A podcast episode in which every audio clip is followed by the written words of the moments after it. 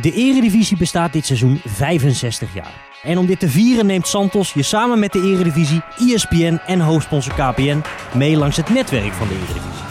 Ontdek bijzondere locaties, anekdotes en de voetbalcultuur van Nederland. Een spotlight op de plekken waar onze voetbalclubs het diepst geworteld zijn. Met vandaag, last but zeker not least, Amsterdam. De hoofdstad, de stad van de succesvolste club van het land en een stad die talloze grote spelers voortbracht. En ja, daar ga ik het natuurlijk niet alleen over hebben. Ik heb hier twee mensen naast me die alles weten van Amsterdam, die ook een bepaalde geschiedenis hebben in Amsterdam. Want tegenover mij zit Marciano Vink, groot geworden bij Ajax. En het is niet aan je te horen, maar jij komt ook uit Amsterdam. Welkom. Hey, dank je. En uh, Menno Pot, ook Amsterdammer. Uh, schrijver van verschillende boeken over Ajax. Maker van de Brani podcast. Eigenlijk ben jij wel een beetje afgestudeerd op Ajax. Je zou het kunnen zeggen, bijna. Ja, onofficieel afgestudeerd. Als iemand het is, uh, ben jij het. Nou, we gaan het lekker hebben over de voetbalcultuur over Amsterdam. de stad Amsterdam. En daar ben ik eigenlijk wel benieuwd naar. Er bestaan altijd heel veel clichés over Amsterdam. Over bluff, arrogantie. Dat is deels misschien wel waar. Deels wordt dat heel erg gecultiveerd. Hoe staan jullie daar zelf in? Jij, jij bent niet opgegroeid in Amsterdam? Nee, ik ben geen geboren Amsterdammer. Want hoe is dat...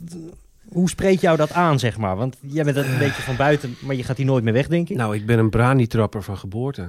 Nee, maar dat, dat is natuurlijk die, dat is wel, uh, die, die brani bestaat.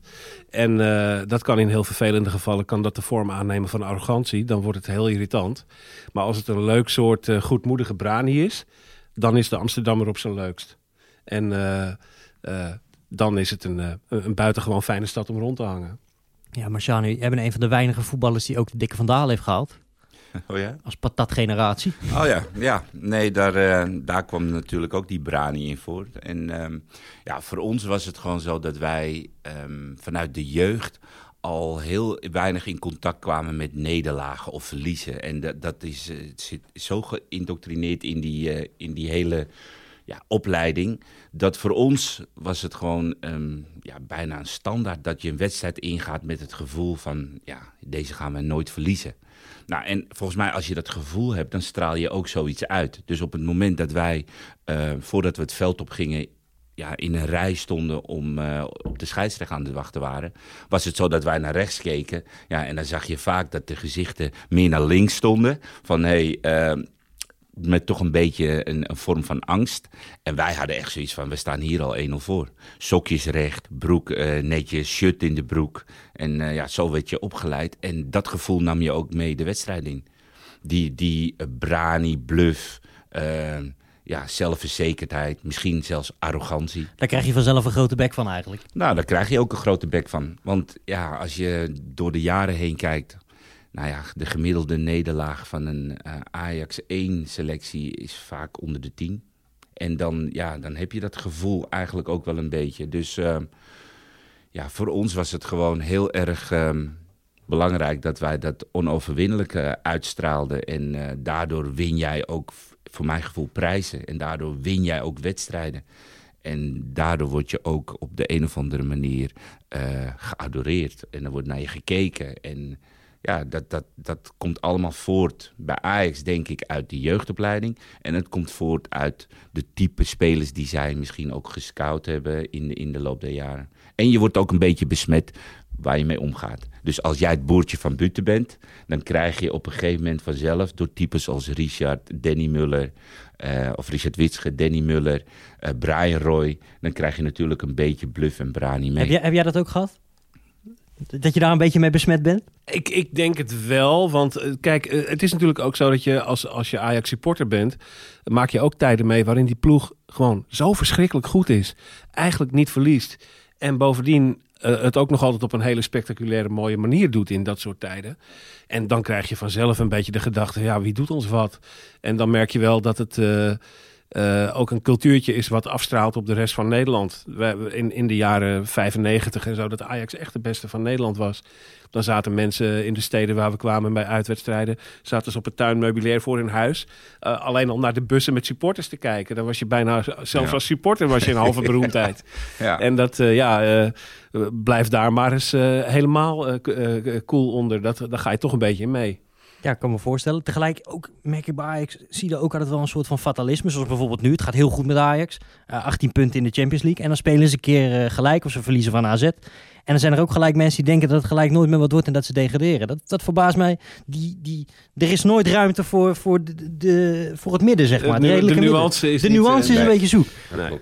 Nee, want tegelijkertijd is het natuurlijk een club waar een enorme winnaarscultuur hangt. En ik denk dat ook die Brani, waar Marciano het over heeft, die bij die spelers bestaat, die heeft daar ook mee te maken. Bij Ajax gaat het om winnen en de beste zijn. En de jongens die dan daar doorheen komen en uiteindelijk in dat eerste spelen, die hebben al zoveel achter zich gelaten en verslagen, uh, dat daar uh, vanzelf een soort van enorm zelfverzekerdheid aan vast uh, en, zit. En dat winnen en de beste zijn, dat moest ook nog eens gepaard gaan met sprankelend, mooi, prachtig, Alleen superlatieve. Nee. Alleen winnen is niet genoeg. Dus als we dan het terughalen naar de tijden in de meer... Ja, dan had je wedstrijden tegen FC Twente, Fortuna Sittard, Sparta. Ja, de, de, mensen gingen ervoor zitten en die dachten al bij de 1-2-0, 10-10-10 werd er geroepen. Want ja, dat was het minimale wat zij dus van de, van de ploeg uh, wilden zien. Nou, en dan werd het 6-0 en dan was het, ja, nou ja, oké, okay, ja, 6-0, standaard. Weet ja. je, dat soort teksten. Alleen het is niet standaard, want je moet twee keer 45 minuten uh, alles geven wat je hebt. Nou, en dat is denk ik de arrogantie die ook dan een beetje bij de supporters is, uh, is komen te zitten. En die uh, dat dan ook gewoon gerust hardop roepen. Hè? Het is niet dat ze dat binnenskamers of iets dergelijks. Nee, het, is, uh, het had 10-0 moeten zijn. Ja. Weet je, dat soort teksten. En, en dat is een beetje op een gegeven moment doorgeslagen. Wat wel grappig is, want in jouw tijd dat, dat is natuurlijk een hele andere tijd in het voetbal ook. Maar liepen Absoluut. er bijna alleen maar Amsterdammers uh, in jullie elftal. Ja, Amsterdammers met, en Denen. Ja, met, met, met één, twee goede, goede ja. buitenlanders, zeg maar. Ja. Maar waren dat ook jongens uit verschillende buurten? Uit welke buurt nee, kom jij? Nee, nee, ja, het waren niet alleen maar Amsterdammers hoor. Maar het waren wel, uh, en grappig dat je het zegt, het waren wel jongens. Dus blijkbaar die opleiding, die, die, dat werkt dus, wat ik dus net zei. Want je, waar je mee omgaat, word je mee besmet. Want Rond en Frank kwamen uit Grotebroek. Ik zelf kwam eigenlijk uit de Bijlmer uh, tot mijn tiende in Amsterdam Zuidoost. En na mijn tiende heb ik in Weesp gewoond. Dus ik kwam uit Weesp. Nou, en zo had je wel een aantal jongens zoals Michel. Kreeg je dat ook te horen dan? Um, nee, nee, nee, want ja, vanaf mijn veertiende zat ik er dus in die jaren ben ik ook besmet geraakt met de, met de arrogantie en de bluff. Dus um, ja, tegen de tijd dat ik Ajax 1 haalde, ja, dan, ja, dan zat dat er gewoon wel in. Maar ze kwamen wel, Siloy bijvoorbeeld, die, die, die kwam Zaan, Zaan, Zaanstreek. Ja. Nou, en dan hadden we nou ja, spelers als Groenendijk, eh, noem ze maar op, weet je. Dus al die spelers, iedereen kwam wel overal vandaan. Alleen ze hadden wel één ding gemeen. En dat, dat zeg ik, dat is die, die brani. Kopje omhoog, borst vooruit. Exact. En dan zeiden ze altijd, ja, je loopt met die rode banen op je shirt. En, en dat moet je dan ook uitstralen en laten zien. Ja. Ja, om het cliché een beetje te doorprikken. Ajax heeft natuurlijk ook uh, tijden gehad van, waarin de club zeer hardhandig tot bescheidenheid gedwongen is. En dan heb je het vooral ook over uh, nou, de periode, laten we zeggen, 1997 tot aan uh, 2011 ongeveer. Uh, dus dat is ook een lange tijd waarin Ajax uh, vaak buiten de top 2 in Nederland viel. Een jaar of zeven op rij geen kampioen werd. En in elk geval in Europa echt helemaal niks meer presteerde. En dan zie je ook dat er een hele generatie meteen opgroeit die het succes niet gewend is. En als er dan weer na een tijd wel een goed elftal komt te staan, dan is de sfeer het leukst. Omdat er dan ook bij Ajax en ook in Amsterdam oprechte blijdschap heerst over... goh, wat zijn we ineens goed. Een hele generatie die dat niet kent en niet heeft meegemaakt. En dan is het gewoon heel charmant, omdat het elftal meestal uh, wel heel erg eigen is. En dan is het echt, we tellen mee, we zijn goed. Ja. Uh, en en we, uh, ja, het is van ons. Het zijn onze jongens die je op voorland of op de toekomst al hebt zien groot worden. Maar de Amsterdammer is ook wel weer zo dat binnen al dat hele uh, goede en de euforie... zijn ze altijd wel op zoek naar iets negatiefs. Of iets om over te zeiken. Of ja, zijn zeikers? Nou, ze kunnen wel zeikers zijn, weet je. Dus uh, uh, dan is uh, de, die spelen niet goed genoeg. Dan is de, de, de, keeper, die kan er geen hout van. Maar het is dat het elftal zo goed is, weet je wel. Er is altijd wel een maar. En, en dat, is, ja, dat hoort er ook wel een beetje bij. Het is alleen vervelend als jij die maar bent. als spelers zijn. Maar op zich uh, heeft de Amsterdammer altijd wel, ze zijn altijd wel op zoek naar iets om te zeiken. Ja, de trainer is niet goed genoeg. Die spelers zijn veel beter. Hij praat raar. Hij praat, nou, dat is Amsterdams. Ja. ja dat is, uh, dat is uh, ja, dat, op de een of andere manier hoort erbij. Maar wat jij zegt, het gaat in golven. Want na volgens mij de successen in de 70 jaren, heeft volgens mij de hele 80 jaren met een aantal namen waarvan ik denk, oké, die hebben er ook bij Ajax gevoetbald, hebben ze ook niks gepresteerd. Dus het gaat wel echt in golven. En wat jij zegt, de Amsterdammer is wel. Uh, zich daar ook heel erg bewust van om als we weer in zo'n high zitten hè, met de Ajax, dat ze dan ook volledig uh, ja. Dan hoort iedereen er dan hoort bij. iedereen erbij en dan kan het niet op. Dan wordt het ook geclaimd alsof het normaal is. Dat vind ik ja. dan altijd wel heel, uh, heel mooi. Wat eigenlijk natuurlijk abnormaal is wat er nu gebeurt met een Nederlandse club in Europa en zo. En jij noemde het al even de meer. Hoe bijzonder was dat stadion? Want ik ben net een tikje jonger dan jullie. En altijd als ik over de middenweg rijd, dan probeer ik te visualiseren ja. hoe dat er uitgezien moet hebben. Maar bij mij komt dat niet binnen dus. Nou, ik, ik, um, ik kwam dus uit Weesp en um, op het moment dat jij dus in Diemen uitstapt uh, bij, het, uh, bij het treinstation en je, je, je liep de dijk, hè, zo'n soort dijk af en je zag die lichtmasten in de, in de verte al uh, opdoemen, dan kwam er een soort blijdschap over je heen. Um, het lag in een woonwijk, een betondorp. En er ging één straat, uh, de middenweg, die ging uh, ja, langs. En daar moest iedereen moest daar overheen, lopend, met de auto. De tram ging er doorheen. Het was gewoon eigenlijk een chaos. En op wedstrijddagen, dan was het voor ons als speler... was het gewoon echt een genot om door de Luxaflex naar buiten te kijken... naar al die mensen die binnenkwamen. En een herkenning van sommige mensen, hè, die zaten dan op de eretribune. Maar je zag gewoon of het druk werd of niet. En wij zijn eigenlijk als jeugdspelers in een periode in Ajax 1 gekomen.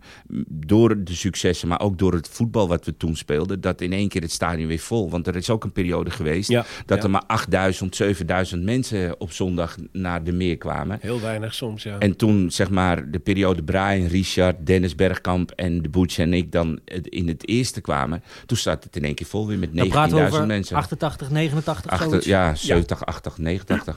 en um, ja, er zijn zulke mooie wedstrijden daar gespeeld. Uh, staafincident is er geweest. Uh, we hebben... Dat vond je een hoogtepunt wel. nou ja, wij waren toen... Nou, ik zal je eerlijk vertellen. Wij zijn toen het jaar ervoor kampioen geworden. Ja. Nee, en, dat, was, dat was dat seizoen. Dat seizoen. Was het kampioenseizoen. Kamp sorry, we, ja. het kampioenseizoen werden wij... Of, wij werden dat seizoen werden we kampioen. En... Um, en um, ja, één iemand besloot om een uh, staaf te gooien naar, uh, naar die keeper. En wij werden voor één seizoen geschorst. En dat was wel het seizoen dat we eindelijk weer Europa Cup 1, toen heette het nog Europa Cup 1, konden spelen. Ja. En dat werd ons wel uh, door de neus geboord. Dus ja, het is een zwaar dieptepunt. Ik wil niet als hoogtepunt, maar het is wel gebeurd in de... Het is een bijzondere, uh, ja... Dat, in, in, de, in, de, in de meer.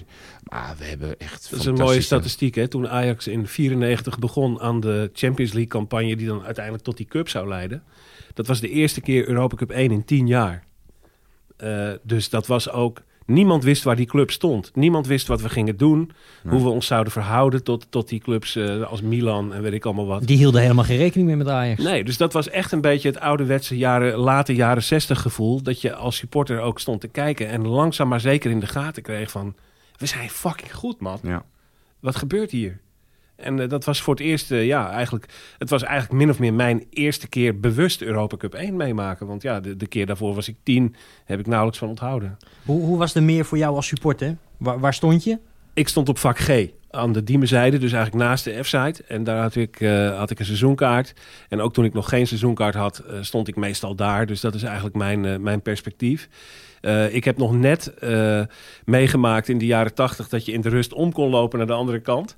Dat hebben we toen ook nog wel eens gedaan. Dat kon later niet meer, toen werd dat afgesloten. En uh, de Meer was een raar stadion omdat er elke keer iets bij kwam.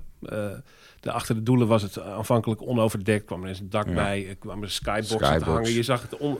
Eigenlijk werd het zo voor je ogen werd het voller elke keer. En ook die façade veranderde heel erg. Het is van origine uit de jaren 30 best wel een mooi stadion. Een soort van bruine bakstenen façade. Maar daar stonden aan het einde allemaal gebouwen voor. Ja. En die waren allemaal verschillend. Dus het was een soort ratje toe. En uh, zeker na het staafincident werd het ook nog helemaal dichtgespijkerd met uh, dubbele hekken en rollen prikkeldraad. Ja, nog hoekwoningen. Hekken omhoog, de hoekwoningen. Daar woonde de, de, de, de materiaalverzorger, maar ook ja. de, de, degene die het veld, de veldverzorger, die woonde daar gewoon de hoek met, die hadden een hond. En En dan woonde hij gewoon aan het stadion. Ja, het was heel klein. Ik, En- had, ik heb nog in die tijd wel meegemaakt dat je dan een kaartje wilde bestellen voor een uitwedstrijd of zo. En dan belde je naar het algemene nummer van de meer. En dan werd er opgenomen, dan was het met Van Eijden. Het was gewoon Arie van Eijden nam de telefoon op. De toenmalige directeur of zo. Of, De ja. toenmalige directeur. Ja. Dat kon gewoon nog gebeuren. En eh, het, was, het was klein. En er waren eh, ja, in slechte tijden, als er verloren was... en eh, er was dan woensdagavond in de regen een wedstrijd... zat er soms 5000 man. Dus qua seizoenkaarthoudersbestand... dat was een klein kaartenbakje hoor. Dat was echt niet veel. En, en het- het begrip glippen. En glippen in de, in de tram. Ja. En glippen bij Ajax. En dan zag je ze de sloten overspringen. Ze ook over de, de ja, dan had je zo'n stalen hek. Daar klommen ze ook overheen. Ja. En dan had je gewoon geen kaartje. En dan, als je eenmaal op het terrein was, dan kon je gewoon het vak binnenlopen. Ja. Want daar werd dan niet echt zo heel erg moeilijk over gedaan. En ook legaal was het zo dat als je het eerste kwartier afwachtte... dan ging, kon je voor half geld eh, een kaartje kopen. Oh ja. Dus dan eh, stond er ook altijd een Half groepje zo geld. Fantastisch. ja, half geld. Eh, op, de, op, de, op het horloge te kijken of het eerste kwartier al voorbij was. Maar ja, dan had je vaak wel al één of twee doelpunten gemist. Want Ajax scoorde vaak vroeg. Jij hebt Ja. hem dus nog wel veel zien spelen. Want dat is ook een beetje de tijd dat jij naar Ajax begon te gaan. Ja, zeker. En ook uitwedstrijden eh, eh, in de... Ja, ja de- dat heb ik allemaal wel. eh, ik heb ik Marciano misschien wel zien debuteren en ook zien vertrekken. Dus die hoort tot de generatie spelers die ik heb eh, Ja. Die jij zien zeer komen en gaan. Ja, en in die tijd was het natuurlijk ook... We zijn ook min of meer generatiegenoten. Je bent ietsje ouder dan ik. Eh, maar in die tijd eh, was het natuurlijk... Ja, die, die spelers van Ajax waren je eigen leeftijdsgenoten. En dat is een heel magische tijd. Dat je het idee hebt dat je het eigenlijk een beetje samen doet. En dat er eh, ja, gewoon heel veel... Dat was allemaal heel benaderbaar en dichtbij. Gewoon leuke, leuke gasten. Maar het, het gekke ook bij de meer was dat die trainingsvelden voor het stadion lagen. hè, Dus aan de, aan de wegkant. Dus ja, reed je langs, dan kon je kijken of Ajax aan het trainen was. Dus en dat, is nu ook wel echt veranderd. Maar die velden waren zo slecht. Het begon nog allemaal heel erg groen. Maar ik denk na een maand of twee, dan was het gewoon een zandbak. En daar trainde Ajax 1 gewoon op. En Ja. dan aan de achterkant had je dan de velden voor de jeugd. Dat waren er twee. Voorland. Ja. Voorland. En nou, daar hadden ze denk ik de eerste kunstgrasmat liggen. Maar dat was gewoon tapijt. Dat, dus dat was helemaal versleten. Als je, en één grasveld. En dit was altijd wel een redelijk mooi grasveld. Maar dat kunstgrasveld, dat was echt nog de eerste kunstgrasvorm. En dat was Als je daar een sliding op maakte, dan, eh, Nou, dan lag je helemaal van je open. oor tot je... Ja. Dus daarom zie je eigenlijk zie je ook weinig slidings. Dat zit er gewoon niet in. Dat komt door die velden van de dat komt door die velden. Nee, Komt het door, ja. nee maar die, die velden, als je dat met nu vergelijkt, dan is dat gewoon echt, was, eh, ja... Schuurpapier. ja Heel dat slecht. kon echt niet. Dat was En moet je zo nagaan, voor, voor de hele Ajax-jeugd twee veldjes. En Ja. eigenlijk waarvan één fatsoenlijke. En ook hoe je er naartoe moest. Van achter de Rijnolds-tribune was dat aan de lange zijde. Moest je zo eh, over, ja, en zo'n zo'n stom bruggetje. Een klein bruggetje, een bruin dat, eh, bruggetje. ja, dan, dan stond je er. Dus dat had allemaal echt eh, heel, heel weinig om het lijf. En eh, het was nog echt een, een kleine club. En daar kon je ook heel goed voelen in de meer dat Ajax... eh, het, het was geen volksclub. Het was ook geen eliteclub. Maar het zat er een beetje tussenin. Het was eigenlijk een beetje een soort proletenclub. Ja.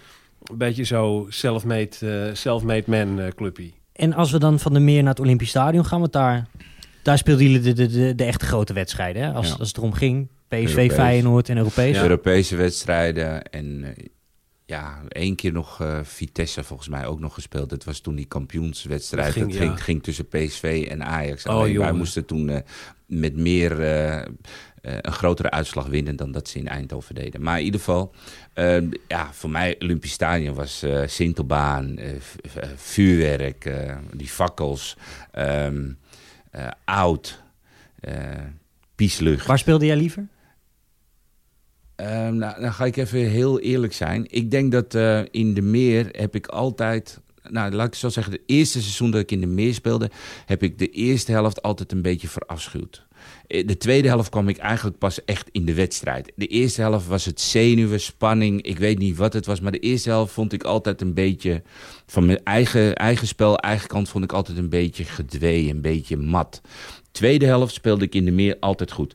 Voor mij dus het eerste seizoen in de meer was ja, soms best wel een opgave, weet je. Best maar, wel maar waar, spanning. waar zit dat hem in dat dat dan speciaal in de meer zo... uh, nou ja, omdat... Heeft dat met het, het stadion Nee, te maken? het heeft te maken met... Um, ik heb er ook over nagedacht. Het heeft te maken met het feit dat er heel veel bekenden van je op de tribune zaten. Het Amsterdamse publiek heel kritisch. Als het niet snel genoeg ging, gingen ze uh, Kort klappen. erop? Nou, ze gingen dus dat slow hand klappen. Dat het Ja. dus niet uh, om attractief... Roepen. Ja, maar niet attractief genoeg was. Dus er zat zo'n druk op. Uh, en mensen die je door de week tegenkwam, die zaten ook in het stadion.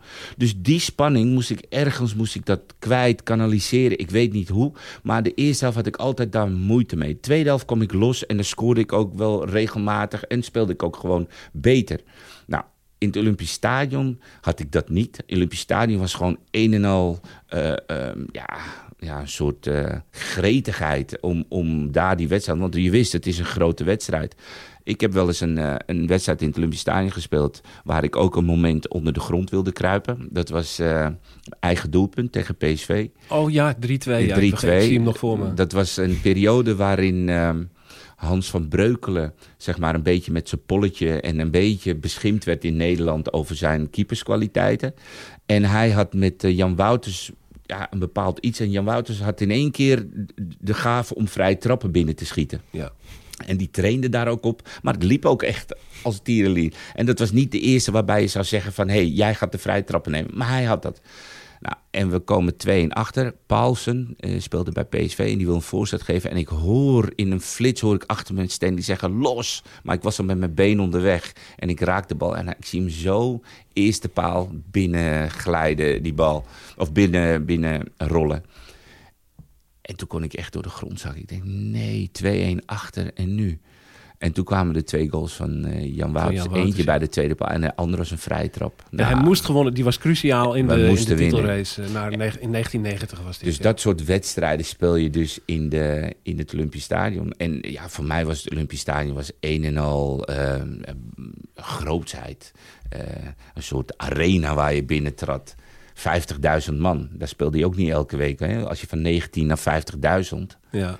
Terwijl er viel een hoop op af te dingen, als je eerlijk bent. Ja. Het was, Ja, want het hoe, was- hoe was dat voor jou als, als supporter? Van yes, we mogen naar het Olympisch? Ja, tuurlijk. Ja, dat, dat, was, dat, was, eh, dat waren avondwedstrijden. Het was Europa Cup. Het was, het was groot. En eh, je, er gebeurde iets bijzonders. Eh, daar zijn hele memorabele dingen gebeurd. En het was ook altijd leuk om met de tram 16 of 24 door de stad eh, er helemaal naartoe te gaan. En dat was altijd wel. Het was één grote chaos op dat plein. Het was altijd wel bijzonder. Maar het was natuurlijk een verschrikkelijke bouwval. Er was decennia niks aan gedaan. Het was een zwart geblakerde betonrot bak. Het was af en toe ook echt gevaarlijk. Eh, dat het de stukken beton eh, van het plafond kwamen vallen. En weet ik allemaal wat. Het was vreselijk. Oude bende. Je stond in de trappenhuizen tot je enkels in de pis. Ja. En, het, en, en ja, het was, het was een ongelooflijke keet. Maar ehm, eh, wel heel memorabel voetbal. En, en het is natuurlijk eigenlijk ook een raar stadion, omdat eh, er die dikke sintelbaan omheen zit. Het zit allemaal heel ver van het veld af. Dus het geluid verwaait ook heel erg. En eh, het was een beetje een rare En toen plek. hebben ze die tribunes nog ertussen gezet. Ja. Die achter Die de noodtribunes. Ja, Ja. die noodtribunes. Want ja. er wilden nog meer mensen wilden naar het stadion. Maar eh, even terugkomen. Mijn eerste ervaring met het Olympisch Stadion was als ballenjongen. En dat was die 8-2-wedstrijd. Eh, nou, kijk, mocht je ballenjongen zijn bij zo- zo'n wedstrijd... Dit is toeval, want dat was de allereerste wedstrijd die ik, waar ik naartoe ging. Ja, En die- die acht jaar. Dat was tegen het Feyenoord van Cruijff. Ja. Ja. echt goed, Ja. En, en, Heel Kruif niet gezien, maar... Ja. dat, eh, Nee, je- je, was dus, je werd uitgekozen als, als uit de Ajax-jeugd. hè. En dan de ene, week, eh, de ene keer wel, de andere keer niet. En bij deze wedstrijd mochten we naar het Olympisch Stadion. En dan werden wij met een busje... Werden we, nee, eigen vervoer. En dan was je verzamelen op een bepaald punt. En dan werd je het Olympisch Stadion binnengeleid als ballenjongen. En dan zaten we te wachten in, in, een, in een heel klein oud kleedkamertje. En dan waren we aan het wachten totdat de, de spelers van Ajax hun warming-up gingen doen. Nou, en dan mochten we al een beetje kijken zo. En dan zat je eh, ja, de spelers een beetje te doen. En dan Jesper Olsen, Marco van Basten, Frank Rijkaard. En dan zat je echt al een beetje door het hek te loeren. Nou, en op een gegeven moment als de wedstrijd, dan mochten wij op de Sintbaan. En de mooiste plek was achter de goal. Want dan kon je in beeld komen. Dus iedereen, ja, zo, zo waren we. Er waren we vi- 15 of zo. En dan kon je in beeld, dus achter de goal. Dus iedereen wilde heel graag achter de goal staan. Nou, en ik mocht die wedstrijd achter de goals. En dan zat je op zondagavond zat je te kijken of je jezelf in beeld zag. Nou, en ja, ik had het geluk dat ik dan in beeld uh, was. Maar dat was mijn eerste ervaring als ballenjongen. Nou, en toen hebben ze dus op een gegeven moment die uh, noodtribunes erbij gezet. Dus Ja. achter de goal ballenjongens zijn, dat ging niet meer. Maar het, het- het was wel een, ja, een, een ervaring. Het stadion was gewoon echt een ervaring. Van de pisbakken tot en, met, eh, tot en met de trap naar boven, waar het heel smal was. En dan kwam je de ene keer, afhankelijk van hoe, hoe ze dat bepaald hadden, kwam je aan de zijkant het veld op. En de andere keer kwam je in één keer door een heel smal trappetje achter een, schuin, Tunneltje, achter ja. een tunneltje, achter een goal. Ja. En hoe dat bepaald werd, Ja. dat weet ik ook niet. Maar in ieder geval, ja, het, was, het, het, had- het had zo, zoveel geheimen, eh, dat stadion. Op, la, op latere leeftijd, eh, toen, ja, toen ik tiener eh, werd in de tijd dat Ajax Europees heel succesvol werd, eh, had ik er ook een soort plaatsvervangende gêne bij. Op een gegeven moment hadden ze de lichtmasten al weggehaald en moesten er aggregaatlichtmasten op een soort bouwstijgers worden neergezet. Het zag er niet uit. En dan dacht je, ja, als er zo'n grote club op bezoek kwam, dacht je als supporter ook een beetje van, wat, zijn, wat zullen die nou Milan uit denken? San Siro en die komen hier terecht. Wat denken die nou als ze hier komen? Dit gelooft toch niemand dat hier een, eh, dat hier een club van betekenis speelt? En eh, ja, eh, dat was. dat droeg ook bij aan de charme. Dat je een beetje het gevoel had van... het is allemaal houtje touwtje, het deugt voor geen meter. En ook dus de spelers waren jong en zo. En je had echt het idee van... we lopen een beetje te partycrashen eigenlijk. Op En er, het, werden, en er werden ook voorwedstrijden gespeeld. Dat bestond toen nog, dat Ja. fenomeen. De D1, Weet je, de, de, D'tjes de- tegen- D1 ja, ja. van Ajax tegen de D1 van Feyenoord. En laten we het zelfs C1 van Ajax tegen C1 van Feyenoord. En nou ja, we stond de wedstrijd geprogrammeerd om, eh, laten we zeggen, half drie. Dan begon die wedstrijd om 12 uur. En dan zaten er al gewoon 8.000, 9.000 mensen. Dus die Ja. jonge spelers werden ook al een klein beetje voorbereid op spelen voor publiek. Ja, en dat, dat, ja, dat fenomeen is eigenlijk weg. hè? Ja. Dat voorwedstrijden. Een Ja. van jullie, allebei jullie hoogtepunten misschien wel eh, in het Olympisch Stadion. Van jou zeker natuurlijk. De, de winst in 92 tegen Ja. Torino. Ja, Torino. mooiste tijd, vond ik. Ja? Ja. Was je erbij? En eh, sowieso bij alle drie de thuiswedstrijden na de, de verbanning. Want aan het begin van het seizoen was Ajax nog verbannen. Drie Eh, wedstrijden. drie drie eh, thuiswedstrijden moesten op 100 kilometer afstand gespeeld worden. Dat werd Düsseldorf in Duitsland. Daar ben ik er ook één keer naartoe geweest. Tegen Osasuna. En daarna tegen Gent, tegen Genua en tegen Torino. De thuiswedstrijden, daar was ik alle drie eh, bij, ja. En eh, eh, dat, eh, dat, ja, on- onvergetelijke tijden. Met Schip en Roy op de vleugels, Pettersson in het midden. Echt een prachtig elftal. Echt een geweldig, geweldig elftal. Eh, en mijn eerste Europese succes, wat ik zeg maar van heel dichtbij heel, heel bewust meemaakte. En dat waren, ja, waanzinnig. het mooiste, hè, zeggen ze. Ja, en dat elftal had zoiets Amsterdams. Het was nog wat aanvallender ook, denk ik, dan de ploeg uit 1995. Want in 95 kreeg je een elftal dat ook in, in een uitwedstrijd heel makkelijk kon zeggen... we pakken hier die 0-0. En dan, was, dan Ja. was het maar even saai. Maar dit elftal was gewoon vlammen.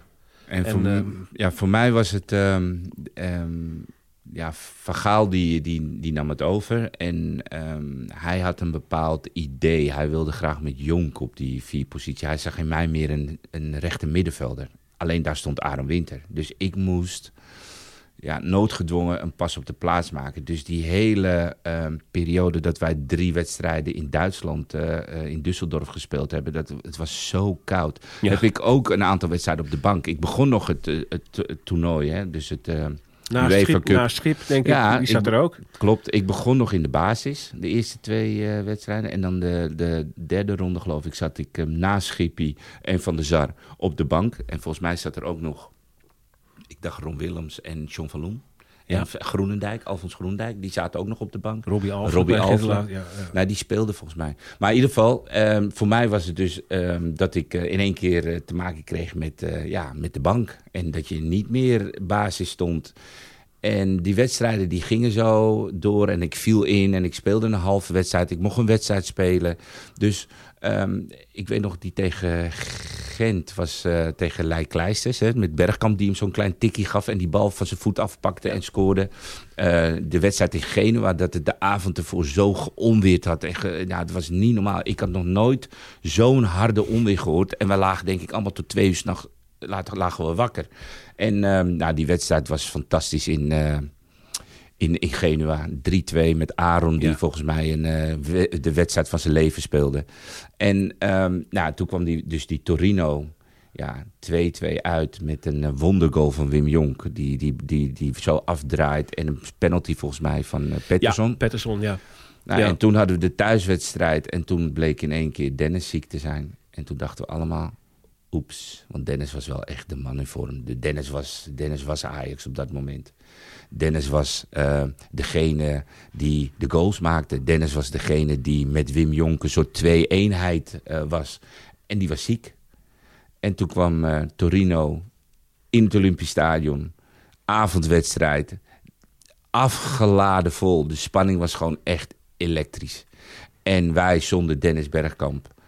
En volgens mij nam Robbie Alfle... Nam Die nam het over. Die, nam het speelde, ja, over. Ja, die eh, stond op En, 10. en zij kwamen met eh Marchegiani, met eh, eh, Lentini, Casagrande, Martin Vasquez, eh Chivo. Dat is een heel goede ploeg, ja. Echt niet normaal Maar goed. Ja. we- weet je waar ik in één keer aan moet denken? Want jullie gingen toen, eh, want Bergkamp was er dus niet bij. Nee, die was Maar het was een avondwedstrijd, maar je, die huldiging ook nog s'avonds. Ja. Maar toen zijn jullie eerst bij hem thuis Ja, langs nee, maar dus die wedstrijd, die wedstrijd die wij, die wij speelden in, in, in het volle stadion, waarbij iedereen wist, eh, een gelijkspel onder de 2-2 was voldoende.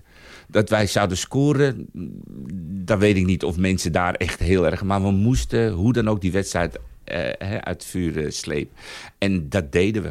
Geluk, bal op de lat, eh, Het kansen was ongelooflijk. Dat hij er niet in vloog. Kopbal keihard op de paal. Een van richting veranderd schot die via Danny Blind tegen de paal hobbelde.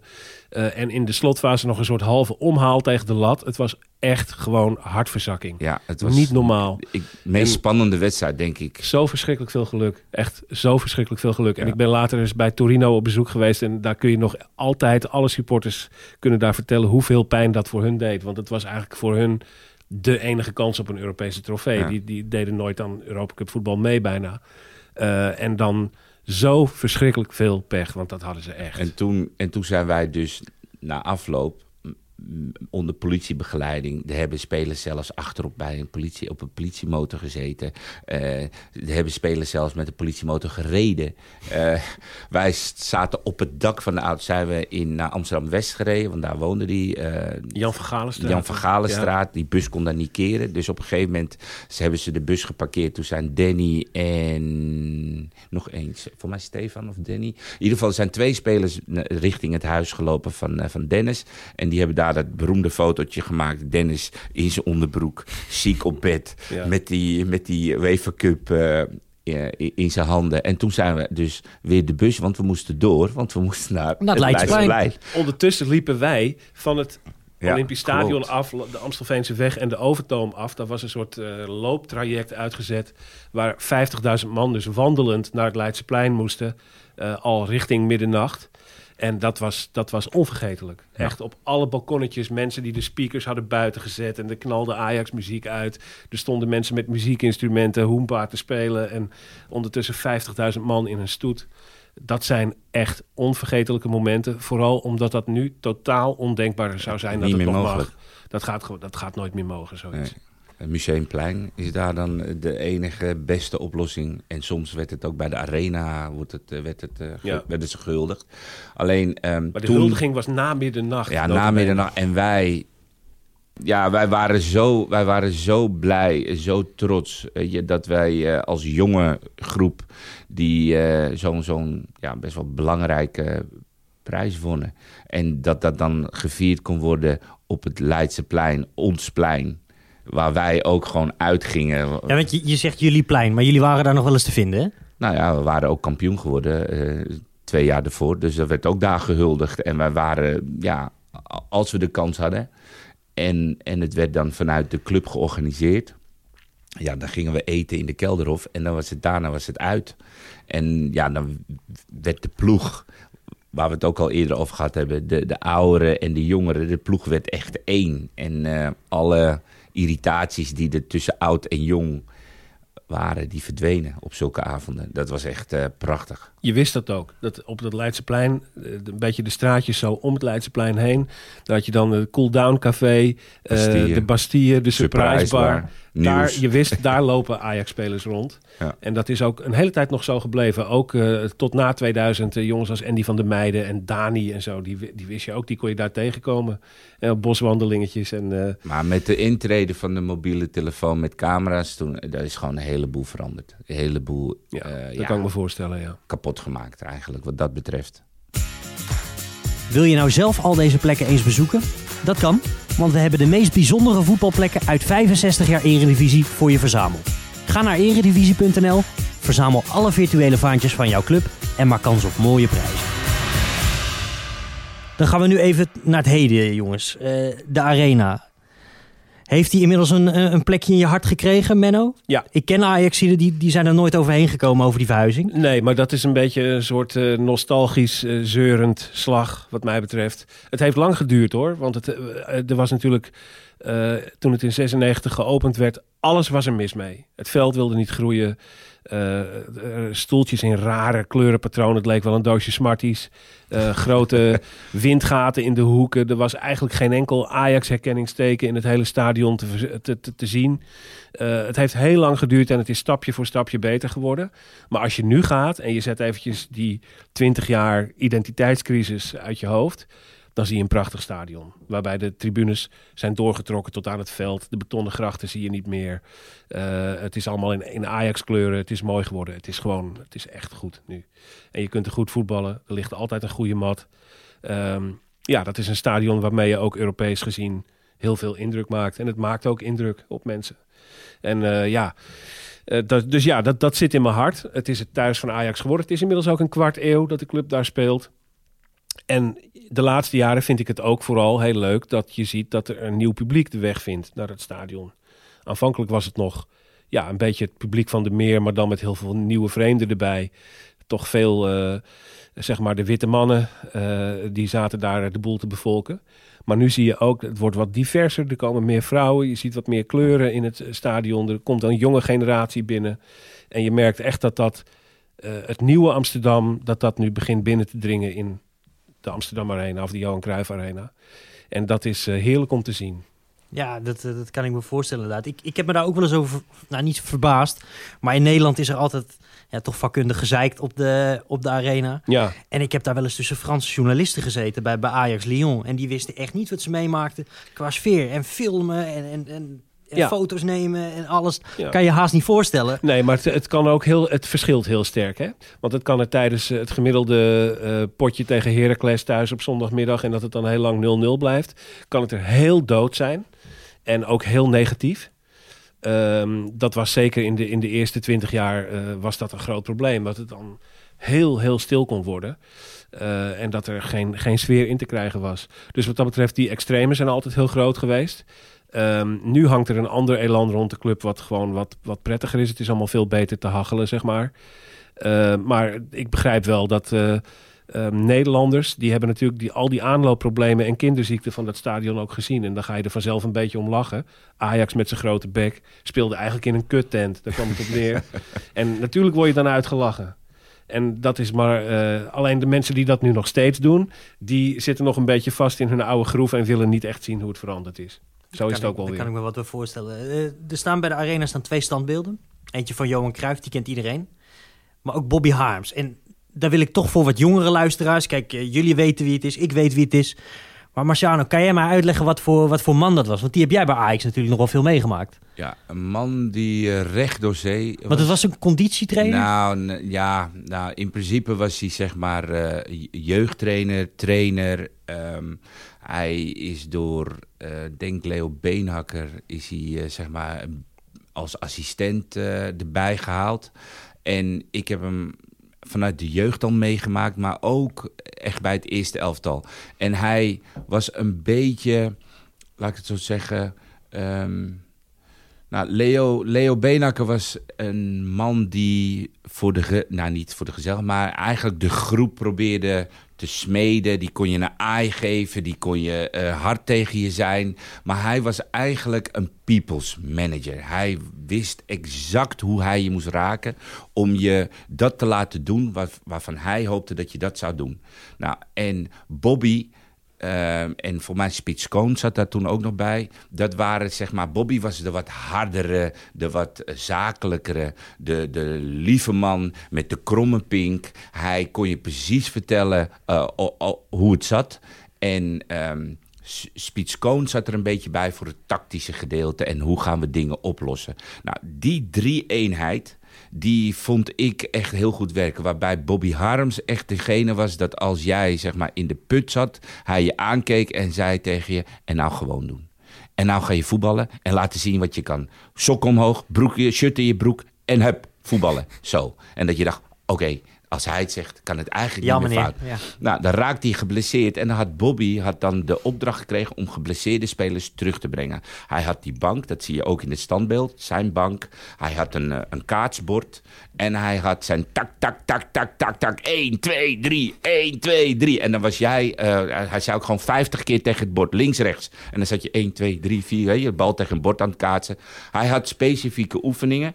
En hij sloot altijd af met uh, afwerken links-rechts. Vijf ballen uh, rechts op de 16, vijf ballen links op de 16, een stok ongeveer op vijf meter in het midden. En dan was het rechts beginnen, schoot je de bal tegen het net, want hij moest keihard tegen het net, om die stok heen en dan met links tegen het net. En als je dat had gehad, je had de Bobby-training gehad, dan was je fit om te spelen. En dan ging je naar Leo en later Louis toe, zei hij, hij is fit. Ja, en dan lag de speler ongeveer te sterven, gestrekt op het veld. Helemaal kapot, fit, totaal dood. gesloopt.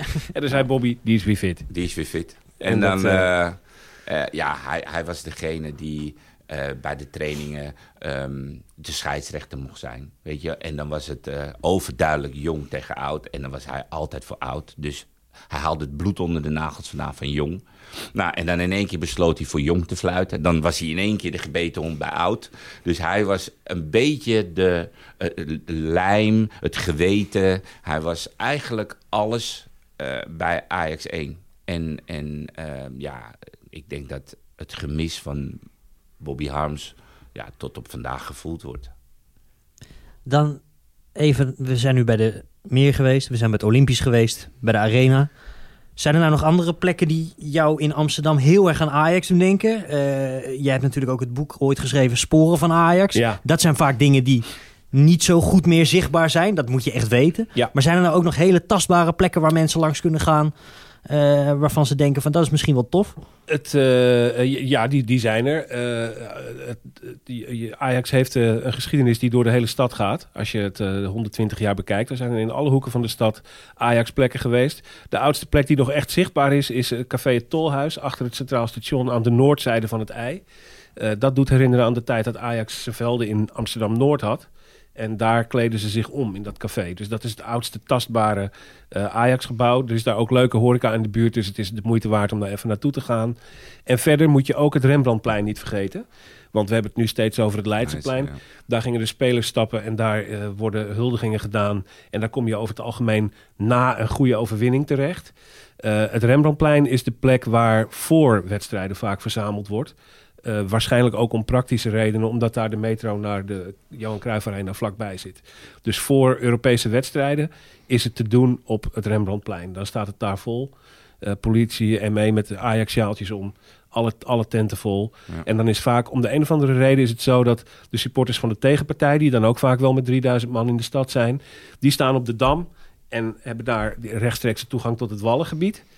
Uh, dan ligt daar het ook niet onbelangrijk. Dan ligt daar het Rokin als een soort leeg niemandsland tussen met een paar ME-busjes erop. En op het Rembrandtplein, daar zitten de Ajaxiden. En, en nog één plek, en, en ja, ik zal dat wel even inleiden. Als wij dus uh, gingen trainen, dan kwam iedereen, hè, de, laten we zo zeggen, half negen bij de club. En dan uh, de ene was er vijf voor half negen. Je had altijd van die hele vroege vogels die er al om kwart over acht waren. Maar Eén ding, daar kon je alle spelers echt uh, de hele dag mee verzieken. Dat is als wij um, uh, bij Ajax bij de Meer dan binnenkwamen en we hoorden we gaan naar uh, Amsterdamse Bos. ja. ja. En dan was bij iedereen hing zijn kin op, op, op, op half, half zeven. En nou, dan moesten we eigen auto's moesten naar het Amsterdamse Bos. En dan was, waren er twee mogelijkheden. Of je deed rondjes bosbaan. Nou, of er is de parcours met die, met die heuvel in het Amsterdamse bos. Nou, en uh, voor mij waren die uh, tempoloopjes bij, het, bij de heuvel, die waren echt killing. Echt dodelijk. En uh, wij hadden toen, volgens mij, Laszlo Jambor. Ja. Laszlo Jambor was onze, ja, wat is het, fysiek trainer. Ja, conditietrainer. conditietrainer. En uh, die had nog een beetje de Oostblok uh, mentaliteit. Een Hongaar nou, was het. Een Hongaar. En dan weet jij ongeveer wel uh, wat ik dan bedoel. Nou, en je had een aantal jongens bij ons, waaronder Edgar Davids, die kon echt, die konden zo makkelijk lopen. En die liepen dan al, bij het start liepen die al 4, 5, 600 meter. En dat breidde zich alleen maar uit.